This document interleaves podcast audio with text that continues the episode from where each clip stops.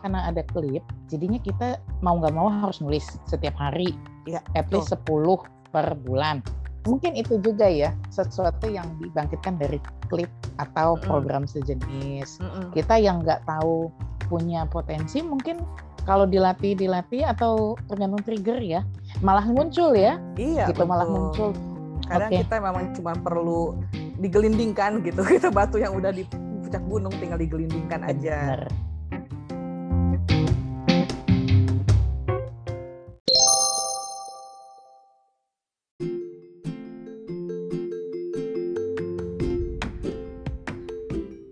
Halo, halo, selamat siang. Ketemu dengan saya Rijo Tobing sama kakak Dwi Tobing. Kami Halo, dari saya dengan Dwi Tobing. Hai, kami kembar tapi beda ayah dan beda ibu ya. Hai, Notet dulu. betul. Tapi kami kembar klip. Nah, jadi ini mau promo buku antologi dari klip. Antologi tahun berapa ini, Kak? Ini eh, yang menulis adalah lulusan klip tahun 2020 ya Jo ya. Iya, Lulusan 2020. klip 2020 dan ini bukunya terbit.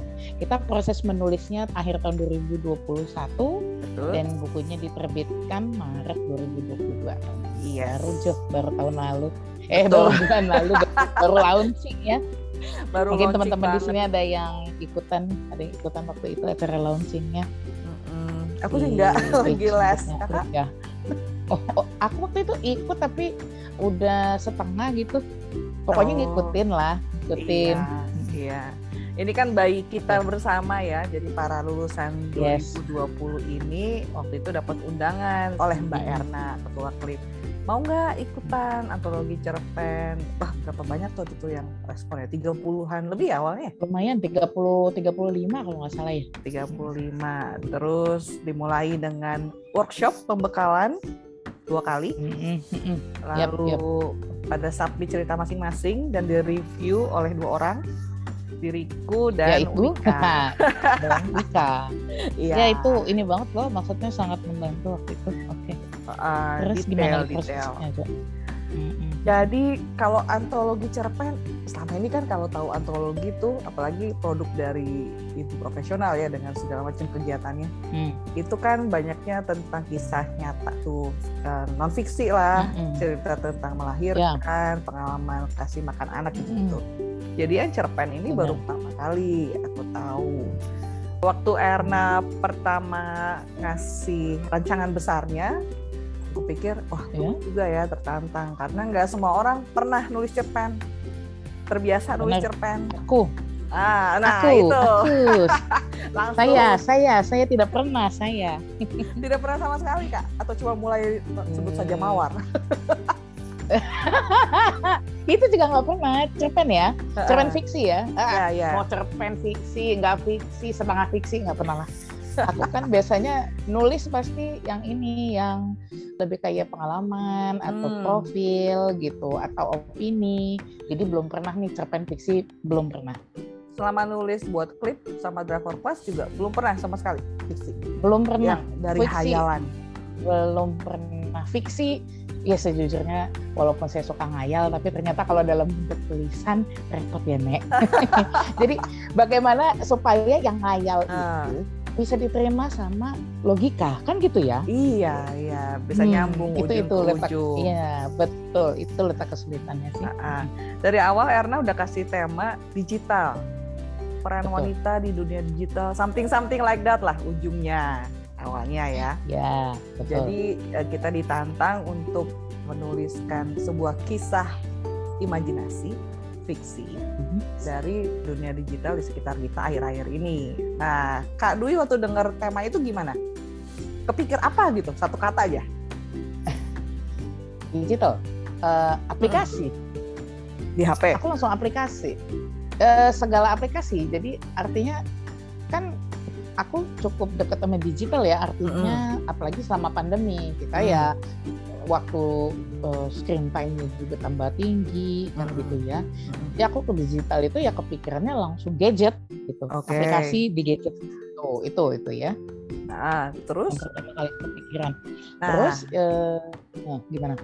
Kan kalau waktu deliver materi untuk cerpen itu buat aku juga tantangan waktu deliver materinya karena gimana orang tuh ngelihat cerpen itu bukan cuma ngehayal tapi ada strukturnya dimulai dengan karakter. Mm -hmm. Nah dari kakak udah kepikir mm -hmm. tentang apps nih tentang gadget. Terus untuk mm -hmm. mengerucut ke jadi karakter tuh gimana prosesnya? Jadi pertama ya aku memang sangat dekat dengan dunia gadget dan aplikasi inilah ya sejak dulu sejak zaman uh, kuliah gitu Hmm. Jadi sebetulnya maksudku mulai dari zaman kita MIRC, sebenarnya ini kan gadget, yeah. digital, itu pasti pasti erat hubungnya dengan komunikasi Betul, kan gitu ya. Aku aku marinya tuh ke arah komunikasi ya, Betul. bukan ke arah content creator gitu. Maksudnya bukan bikin video hmm. atau apa, hmm. tapi aku lebih uh, langsung di, di benakku itu langsung sesuatu alat berkomunikasi hmm. gitu. Hmm. Nah itu kan aku sangat udah dari zaman kuliah itu udah sangat sampai sekarang lah sangat mm -hmm. akrab tuh dengan MIRC, ICQ. Mm. Wah ini udah ketahuan banget ya umur ya. buka, buka. buka ya. Yahoo Messenger. Yahoo Messenger. Ya, awal, gitu. awal ngalamin nggak? Awal. Awal enggak, enggak. Awal. Oh, di kantor. Oh, oh gue belum setua itu. Asik. Terus, terus. ICQ. Uh, uh. Masuk ke Yahoo Messenger segala messenger itu sampai hmm. akhirnya kita tahu WhatsApp. WhatsApp ini aku mulai pakai di Nokia dulu bahkan. Ah, WhatsApp. 2000 berapa? 11. Oh, baru 2011 gitu. Ah, oke okay, oke. Okay. Udah pakai, udah pakai di situ sampai sebelum tahu Android ya, lalu hmm. ada Android. Tapi aku yang skip adalah BlackBerry. Ah, BBM enggak ya? Uh, no, pakai pakai setelah dia bisa masuk ke Android. Iya Terus sebelumnya gue hanya itu yang aku skip karena nggak tahu ya kayaknya nggak nggak nggak seru aja nggak tahu kenapa oh. gue skip itu. Tapi hmm, bottom line-nya uh, bottom line-nya apps gadget itu kan komunikasi ya bottom line-nya. Komunikasi bottom line uh, komunikasi uh, uh. jadi aku langsung menarik ke situ kan uh, apa ya walaupun memang cerpen itu fiksi bukan curhat atau apa tapi pasti akan lebih enak kita menuliskannya ketika kita mengalaminya kan atau kita tahu dunia hmm. itu gitu loh. Betul. Kalau kita tahu dunia itu pasti kita lebih bisa mengeksplor uh, apa sih isinya gitu ya. Bisa hmm. jadi bisa dikarang gitu. Jadi nggak ngarang-ngarang. Misalnya nih aku nulis tentang video creating, terus aku nggak pernah gitu yang iya. ngomong nggak ngerti juga lebih wow. hancur kan ya. Kalau Wikipedia uh, doang nggak bisa, nggak kerasa feelnya. Iya nggak bisa. Jadi memang harus uh, pastinya kalau menulis itu pasti kita sedikit banyak ada dari pengalaman kita. Hmm. Mungkin itu juga ya kalau aku ingat pengalamanku ini sehingga banyak sekali penulis yang melakukan riset kan. Hmm. Ada hmm. penulis novel, dia hmm. pergi dulu tuh ke hmm. setting tempat yang dia jadikan hmm. di novelnya. Ah itu loh yeah. maksudku ketika melihat itu pasti beda feelnya. Yeah. Nah itu itu pertama kali tuh. Jadi caranya aku begitu. Itu oh apa sih yang aku biasa yang aku sudah terbiasa lakukan komunikasi. Hmm. Nah terus kan juga satu lagi yang bikin triggernya adalah ketika pandemi ini hmm. kita jadi lebih banyak ketemu sama teman-teman yang zaman dulu ya. Iya iya iya. Ya, ya kan? Reuni ya kan? lah, nostalgia, lagi, jadi lagi. Ya. WAG tambah nggak tahu kenapa WAG tambah jadi banyak ya enggak sih? Kenapa ya WAG tambah banyak? Aku pikirkannya. Uh, uh, terus ada yang pokoknya gitu. Nah mulai dong kisah-kisah lama kan gitu muncul-muncul. Uh, uh, itu uh, dia. Jadi aku kan menulis fiksi yang judulnya Third Times Charm. Jadi uh, yang ketiga kali itu apa sih bahasa Indonesia ya Charm? Uh, itu sebenarnya ini kan saying dalam bahasa Inggris lah ya. ya. Uh, uh, uh, susah susah tuh jemahin. Ya ini kan sebetulnya common apa ya? Ini adalah istilah yang biasa dalam bahasa Inggris tapi nggak ada bahasa Indonesia-nya deh. Mm -hmm. Charm ini. Nah jadi dari situ Jo. Jadi aku mm dengar-dengar kan, oh ini dulu sama siapa ya ini dulu sama siapa ya gitu kan ya gitu ya kan nah gitu-gitu loh suka yeah. dengar-dengar terus oh ini sekarang di mana oh ini dan di mana ya setelah itu ya sisanya dikarang aja sendiri Iya kan banyak banyak mulai dari disambung-sambung gitu loh curhatan zaman MIRC terus ada teman-teman yang cerita oh dulu begini uh, atau ketemu uh, lagi. Nah itu loh jadi uh, sebenarnya nyatut-nyatut dikit habis itu ditambahin. Ya kan nggak mungkin kita tanyain sama orang detailnya kan? Iya, kita iya. kadang-kadang aja. gitu karena ngakak aja karena aku tahu di situ kejadiannya maksudnya sistemnya kayak apa terus Uh, uh, orang uh, biasanya uh. gimana caranya Ah, itu loh gitu loh maksudku betul jadi betul detail-detailnya itu kita karang endingnya juga aku karang gitu kan nggak mungkin kita tanya terus kamu akhirnya gimana ya nggak itu mungkin jadi kan? biografi dong iya Biografi. betul oh, oh gitu jadi sebenarnya kayak eh, ada inspirasi dari cerita teman-teman.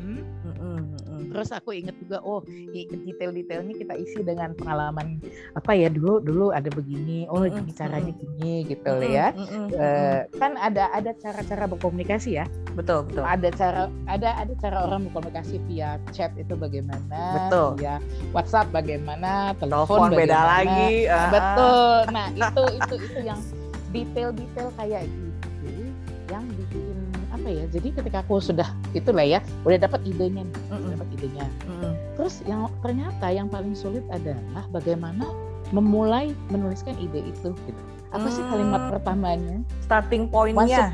Adegan Iya, pertamanya. Betul. Once upon a time-nya Ah, tuh di mana gitu. Ah. Itu sulit gitu. bocoran dong kak. Jadi, ah, tahun berapa jadinya settingnya? Eh, eh, settingnya tahun berapa jadinya? Jadi aku tuh tiga waktu oh settingannya. oke oke Oh, makanya kan two time is a charm. Jadi Iya, kan iya, ditanya iya. tiga kali. Jadi Iya. aku tuh eh, habis gimana ya aku pikirkan eh, kisahnya ini kan kayak aku kan belajar dari ibu-ibu sekalian ini para Mm. pemateri bahwa Mm. ada awal, ada konflik, ada ada closing. Nah Ya. itu jadi aku ngambilnya di situ. Konfliknya Oh, adalah di oke. tahun awal, di tahun tengah, lalu Mm-mm. closingnya di tahun akhir gitu. contoh murid yang baik Kalau langsung di- praktek iya betul. Nah, tapi sulitnya apa? Sulitnya adalah Ah. aku detailnya kan di percakapan karena kayak aku Mm. bilang uh, aku tuh dekatnya ke komunikasi. Mm-mm. Jadinya kan banyak banget percakapan. Mm-mm. Isinya percakapan semua tuh sampai Iya. ketika disuruh 3000 Jadi 4.000. 5000. eh lima ribu ya Lima, terus korting seribu ya terakhir Iya, pertama sekali aku tuh nulis. Jadi ya kan nggak ngerti nih ya kan Iya. ah, de- kan udah udah pusing nih lalu Ah. kalian semua bilang udah tulis dulu tulis dulu pokoknya tulis aja dulu itu yang aku lakukan jadi Nah. aku tuh menulis bagian akhir dulu loh iya closing dulu oh gitu Close- ah, ah, Baru aku mundur. closing dulu baru mundur baru mundur gitu bener jadi prosesnya ya aku udah tulis closing ini nih aku mau closingnya kayak gini terus kenapa ya nah konfliknya jadi di dimajuin di, dimajuin Ah. mundurin ke waktu Mundur ke Nah, caranya. ah ya mundur ya, ke Y-nya ya. itu Ya, ya. caranya karena aku merasa kalau nggak kayak gitu jadi aku nanti ujungnya kebuka gitu loh Iya iya iya iya. kan aku sudah tahu nih mau mau bicara apa udah tahu Iya, tentang orang iya. CLBK ya Iya. yang kurang lebih CLBK lah gitu kan Heeh. terus tapi endingnya apa ya mereka tidak bersama terus ya udah in betweennya ya kita isi gitu gitu deh Ah, Oke. Jadi tapi kalau itu lima ribu Lima ribu. kata cuy soalnya aku bacanya juga kayak bener-bener ada di situ karena cerita kakak itu kuat Ah. banget di dialog. Jarang banget ada penggambaran situasi di sekitar.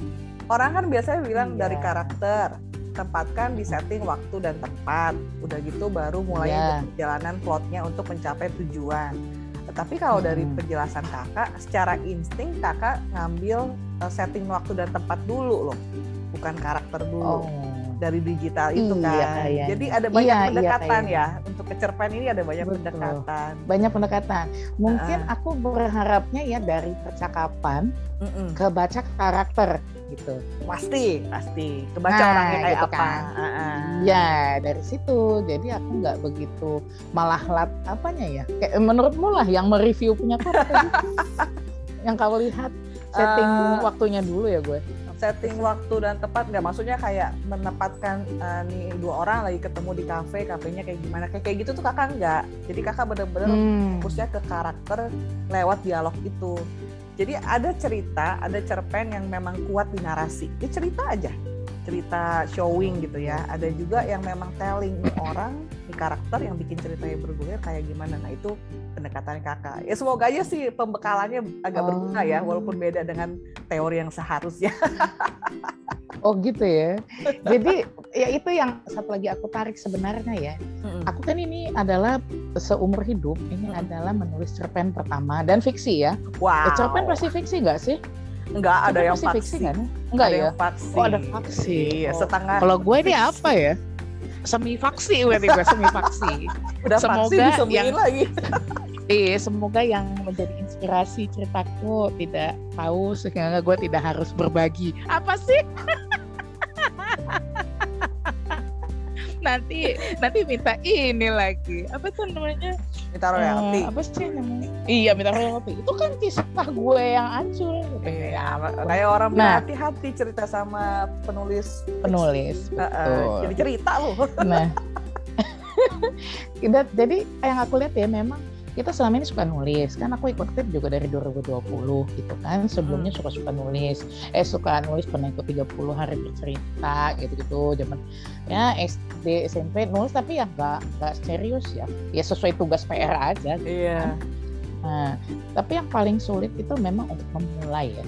Artinya Ya. eh, terus terang ini karena karena ada klip, jadinya kita mau nggak mau harus nulis setiap hari, Iya, at least 10 per bulan. Nah itu satu. Jadi kita dikasih reason, kita dikasih why kan gitu. Nah, Mm-mm. Nah, terus kenapa cerpen? Ya karena topiknya cerpen. Coba kemarin eh, apa namanya? Proyeknya adalah menulis biografi. Ya lain lagi yang gue tulis Iya, kalian gitu iya. ya. Ada non fiksi sama Nah. fiksi ya tetap lebih menarik fiksi lah daripada non fiksi Bener, ya iya. nggak sih? Betul, betul. Eh lebih enak dibaca. Tapi Betul. ketika ditulis, oh itu belum tentu. Jadi Susah Iya, ya jadi- eksekusinya. susah, susah, susah eksekusinya. Jadi kita udah dapat ide awal. Waktu nulis itu idenya terbang-terbang.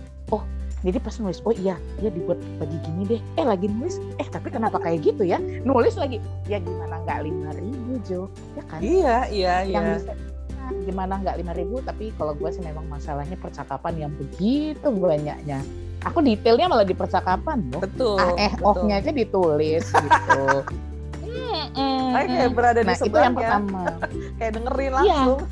iya kayak dengerin kan nah itu yang pertama jadi saran inilah ya sebagai penulis pemula yang benar-benar Mm. akhirnya bisa menghasilkan 3000 kata itu Mm-mm. Jadi pertama kita pokoknya tulis aja dulu. Lalu bi- baca ulang, baca ulang. Terus kalau boleh sih seperti yang aku lakukan, aku minta tolong sama teman lain baca. Mm. Coba bacain.